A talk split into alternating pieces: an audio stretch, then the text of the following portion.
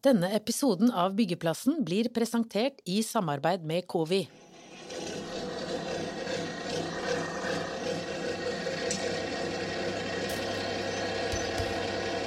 Hvor godt er bygningene vi lever i rustet mot katastrofer?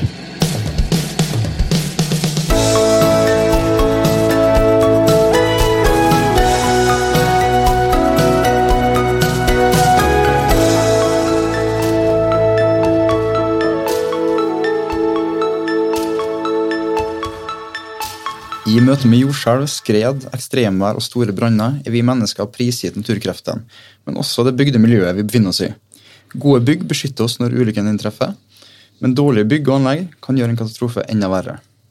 Og med oss i byggeplassen i dag har vi seksjonssjef Ragnhild Aalstad i Direktoratet for samfunnssikkerhet og beredskap, og fungerende administrerende direktør Ari Soilami i Rådgivende ingeniørers forening. Eh, Ragnhild, du ble nylig intervjua i en lengre reportasje om norsk katastrofeberedskap i byggeindustrien. Det er nesten umulig å forutse når den neste store katastrofen rammer Norge, men DSB har siden 2011 analysert risikoen for forskjellige scenarioer. Fortell oss litt om det arbeidet, er du snill. Ja. DSB har jo på, eh, som en etat under eh, Justisdepartementet et eh, ansvar for å kartlegge og holde oversikt over eh, samfunnssikkerhetsmessige problemstillinger og risiko, inkludert da hendelser som kan ramme Norge. Eh, sjeldne, men alvorlige hendelser. Det er analyser vi gjennomfører og oppdaterer jevnlig, senest eh, i det vi kaller analyser av kriseseminarer, som kom i begynnelsen av 2019. Der gjennomgår vi en rekke tenkte hendelser og ser på sannsynlighet for at de kan skje, og konsekvensene ved at de skjer. Og Ari, DSB er jo ikke det eneste som, som, har analyser som til tider kan være urovekkende. Dere har State of the Nation, som sier noe om etterslepet på offentlige bygg og infrastruktur. Hvordan påvirke, vil katastrofer påvirke det enorme etterslepet vi har? Uh, ja, Det blir i hvert fall ikke noe bedre. for å si det sånn. Vi har jo utgitt State of Nation nå i det blir ti år, faktisk. Vi kommer med en ny utgave neste år. Uh, og vi ser jo at, at vedlikeholdsetterslepet og oppgraderingsbehovet det øker for hver ny utgave av rapporten. Og det gjør jo at samfunnet blir mer sårbart når, når det står dårlig til med vedlikehold på veier og bygninger. Så det blir helt klart større konsekvenser år for år hvis vi ikke klarer å ta igjen noe av etterslepet. Mm. Hvor stort er etterslepet nå? Vi har jo det vi ligger an til å få til den nye utgaven, er at det ligger på 3200 milliarder kroner i oppgraderingsbehov. Der inkluderer det, det er både vedlikehold og oppgraderingsbehov altså i den summen. Mm. I den katastrofeanalysen til DSB fra 2019 så tar dere for dere et hengt jordskjelv i Bergen. Ja. Og Her nevner dere bl.a. gammel murbebyggelse i Bergen sentrum som en stor fare i det scenarioet for liv og helse. Det stemmer. Det vi ser på, det er jo både sannsynlighet for at hendelser kan skje, og konsekvenser dersom de skjer. Og en, Et jordskjelv i Bergen er lite sannsynlig, men det er samtidig ikke helt utenkelig. Konsekvensen handler mye om da sårbarheten, så vi nettopp snakket om sårbarheten i det bygde miljøet. Og særlig på bygningssida så er det som du sier, gamle murbygg har en sårbarhet for å rase sammen ved et, eventuelt jordskjelv. Det samme kan gjelde bygninger fra En ser også at bygninger fra sånn 50-60-tallet kan ha en sårbarhet i forhold til, i forhold til jordskjelv, og at det er andre kriterier en kanskje vurderer i dag, eller andre kriterier enn byggeretter i såkalt jordskjelvutsatte områder.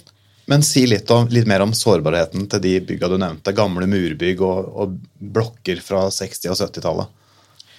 Ja, det, det, handler jo om nå, nå, er vi kanskje over på Art sitt uh, område, men det handler jo om uh, holdbarheten i strukturen og, og, hva som vil skje hvis du får en rystelse i bakken, rett og slett. Hvor solid strukturen er, og hvor, lett, eller hvor fort gjort det er at det raser sammen. Forhold, og da kan en tenke seg murstein, murstein på murstein i et byggverk versus en solid betong-stålkonstruksjon. Mm. Ja. Ari, kan du si litt om, om disse bygningstypene? Hva som gjør de sårbare?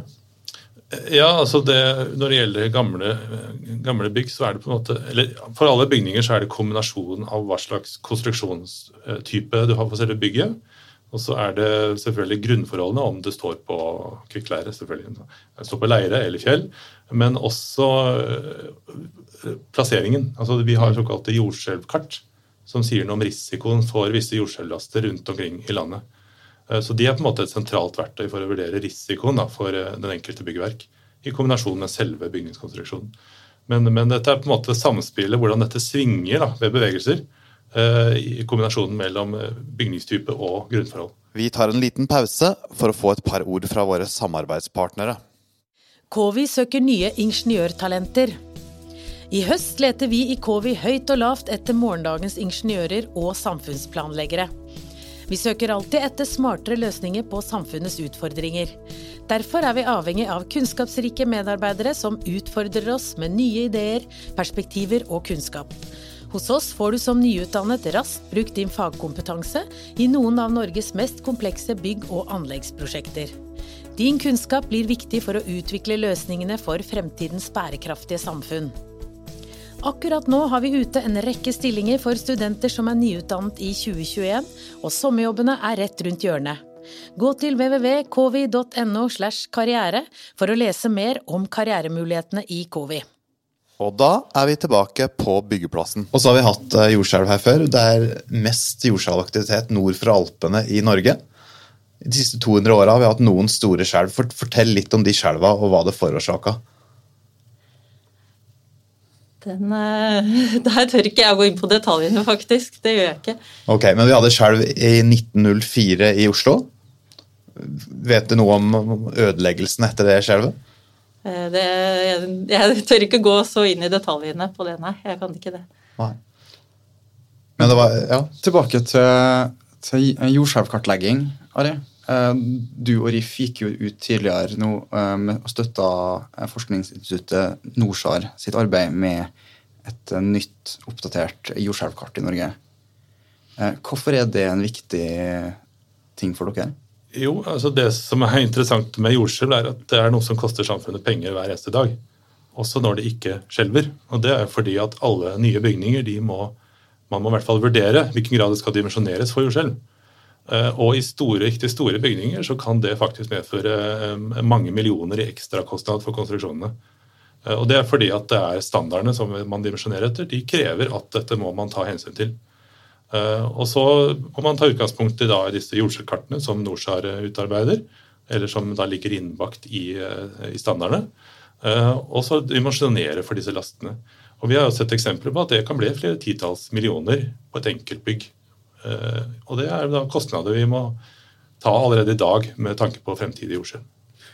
Og en av problemene med den typen arbeid er jo at nå er ikke jordskjelv noe som er, ligger under ett departement. Vi har en beredskapsminister, men trenger vi også en katastrofeminister? Ja, altså det, det som, I forhold til de bestående byggene, så er det jo klart at vi har en potensiell utfordring med konstruksjoner som ikke er dimensjonert, som ikke er vurdert i det hele tatt, i forhold til om de tåler mulige jordskjelvlaster. Eh, så, så vi kan jo ta eksempelet er Stortinget. altså det, Bygningen er åpenbart ikke prosjektert dimensjonert for jordskjelv. Eh, hva skjer hvis det kommer et stort skjelv? Det er det ingen som vet. Så vi har på en måte ikke noen eh, som har tatt hånd om og kartlagt den reelle risikoen for eldre bygninger i Norge som har fullstendig overblikk over hvilke bygg som er sårbare og hvilke som ikke er sårbare. Det er det ingen som har tatt hånd om ennå. Men dere har tatt til orde for at staten kanskje burde sette i gang det arbeidet? Ja, ja naturligvis. Vi mener at dette er, det er jo en reell risiko. Så da må vi i hvert fall vite hvor stor risikoen er. Og det er det jo heller ingen som vet. Så det mener vi, ja. Så det mener vi at det må gjøres en kartlegging av uh, reell risiko for bygninger i Norge, eksisterende bygninger. og Da må man kanskje begynne med de viktigste bygningene, og så kan man på en måte utvide skapet. Mm. Når vi snakker om reell risiko, eh, basert på det dere har sett, og det vi har sett i analyserisikoen, eh, risikoanalysen, eh, hvor reell er egentlig eh, faren for jordskjelv i Norge? Er det noe vi bør bekymre oss for? Altså, vår vurdering er at sannsynligheten er eh, veldig, veldig liten. Eh, så eh, det er ikke en Men samtidig er jo konsekvensene store dersom det først skal oppstå. Og I lys av det så er det viktig at den, at en tar høyde for det i jordskjelvutsatte områder, som en, da, eh, som en da har oversikt over basert på kartlegging. Og En har jo også denne overvåkningen av seismisk aktivitet som gjør, gjør det mulig å, å oppdatere kunnskap om utsatte områder. Men så har vi jo Katastrofer er vel i sin natur uvanlige. Eh, men vi har en, et katastrofescenario som dere har beskrevet, eller beskrev i 2019. Pandemi. Ja. Det har vi blitt godt kjent med det siste drøye halve året. Hvordan har scenarioet deres treft der, og hva har dere eventuelt bomma på? Altså, eh, Det vi så på da, det var, det var kanskje med utgangspunkt i at vi hadde svineinfluensa, og at en har hatt ulike influensaepidemier. En kan kanskje ikke snakke om pandemier i, i nyere tid, men, men, vi laget et scenario som gikk på en influensapandemi, og så på um, både altså I våre scenarioer tar vi utgangspunkt i en, en, tenkt hendelse og hvordan den kan utvikle seg. og Så ser vi på konsekvenser ulike, på ulike samfunnsområder. Liv og helse, natur og kultur forhold, i den grad det blir berørt, økonomi, samfunnsstabilitet, som vi kaller det, og, og så langt som å se på det vi kaller demokratiske verdier og styringsevne. Og det vi så, det var jo I vår analyse så så vi på konsekvenser for liv og helse, for, med tanke på dødsfall og, eh, og alvorlig sykdom. Ehm, og i den grad Det er vanskelig å, kommentere når vi står midt i pandemien, men vi ser at en del av de konkrete vurderingene vi gjorde der, i hvert fall innledningsvis, stemte ganske godt overens med, eh, med egenskapene ved eh, koronaviruset, da, kan du si, når det gjaldt dødelighet og, og smittsomhet osv. Eh, og, og vi kom jo også eh, i våre analyser med noen råd til hva myndighetene bør gjøre. De som er ansvarlige myndigheter. Vi har jo ikke noe sektoransvar på, eh, på helsesida f.eks. Så så der eh, var et av rådene å, å, å lage gode pandemiplaner. Men det vi, det vi, ser at vi kanskje bomma litt på, eller ikke så eh, rekkevidden av, som vi nå ser i samfunnet vårt, det er jo bl.a. de økonomiske kostnadene. De direkte og de indirekte økonomiske kostnadene og følge, følgekostnadene. Og også det som går på samfunnsstabilitet, hvor, hvor en ser på sosiale og psykologiske reaksjoner, sjokk, uro, påkjenninger ved at ting ikke går som de har pleid å gjøre. Eh, der var vi nok i vårt scenario ikke så Vi så på en måte heller ikke der rekkevidden av konsekvensene, sånn som vi faktisk ser i dag. Og så må vi jo samtidig se på at vi, har et, vi lever i et samfunn hvor en har underveis greid å fange opp og håndtere en del av de tingene som kanskje ville eh, slått mye verre ut hvis en ikke hadde vært såpass forberedt eller vært i stand til å håndtere det såpass bra underveis som en faktisk har. Ja. Og så sa du noe om at uh, det var liten sannsynlighet for at et jordskjelv skulle inntreffe i Norge. Eller dere beregna det til liten sannsynlighet. Mm. Var sannsynligheten omtrent den samme som pandemien, eller var det en større sannsynlighet for at en pandemi ville inntreffe? Eh, pandemi ligger veldig høyt uh, altså Blant våre scenarioer så er vel pandemiscenarioet det som faktisk ligger aller øverst. Mm. Blir ansett som mest sannsynlig av disse scenarioene vi har samla. Og samtidig det med, eh, som skårer jeg tror det er det som også skårer høyest på konsekvenser, så det er faktisk eh, det vi anser som det, som det mest alvorlige scenarioet. Et annet scenario som er ansett som svært sannsynlig i eh, analysen, og som også eh, føler ofte på kroppen ellers også, styrtregn, det kommer jo med flere mulige konsekvenser både for liv og helse og for det bygde miljøet. Mm. Er Hvor alvorlig er styrtregn som fare for, for oss? Ja, altså eh, Styrtregn er jo noe vi eh, opplever stadig oftere, og som beregnes eller vurderes å, være noe som, oppstår, som vil oppstå stadig hyppigere som følge av klimaendringene. Og et av våre scenarioer tar for seg styrtregn eh, i et bymiljø med påfølgende jordskred og, og, og flom. og og oversvømmelser, og eh, hvor folk også blir eh, hardt ramma. Et, skal jeg si, en hendelse av de dimensjonene som vi drar opp, det er ikke noe vi anser som sånn svært sannsynlig, men det vel, ligger på moderat sannsynlig, for å si det sånn. Og konsekvensene kan være til dels alvorlige. Og siden styrtregn er noe en kan se for seg at oppstår mange steder i landet, så er også det et scenario vi tenker er viktig at man er oppmerksom på i planlegging, og både arealplanlegging og bygging av hus og infrastruktur mange steder i landet. Og Ari, hva, hva, gjør dere med det? Hva gjør rådgiverne med det? Hva gjør entreprenørene med det? Kan vi bygge oss ut av akkurat det her? Eh, altså når det gjelder overvannsproblematikk i byene, så er det jo ikke noe som det enkelte prosjekt klarer alltid å løse. Fordi at for det, må ta, det må gjøres allerede på planstadiet. Så må du gjøre tiltak som sikrer at du får vekk vannet. Eh, og Vi har jo lagd oss et problem i byene ved at vi har så mye tette overflater. Det er asfalt og det er brostein overalt. Og da har vi lagd oss et stort problem, for da blir det eh, styrtregnet mye verre enn det hadde blitt om vi hadde hatt grønne flater som kan infiltrere ting, eller om vi har bassenger som kan absorbere og forsinke dette her. Altså Overvannsutvalget som regjeringen nedsatte, har jo selv sagt at eh, seks av ti kommuner har ikke et rørnett som klarer å håndtere overvannsmengdene i styrtregn. Det, så det er ganske mange kommuner som, ikke, som, vet at de allerede nå ikke klarer å håndtere styrtregn i byene sine. Og med en planlagt fortetting rundt eh, knutepunkter, så blir det kanskje enda mer asfalt og bygg og mindre grønt? Ja, det, altså Da må det på en måte legges inn forutsetninger i reguleringsplaner på plannivå om at her skal det være en, en, mer, eh, en helhetlig syn på hvordan du håndterer det over et stort område. Det er på en måte for sent å gjøre noe med dette når entreprenøren kommer inn og skal bygge. Da må det allerede ligge forutsetninger i planen. Og Da er vi tilbake til det med risiko- og sårbarhetsanalyser igjen. hvor eh, også regelverket, plan- og bygningsloven bl.a.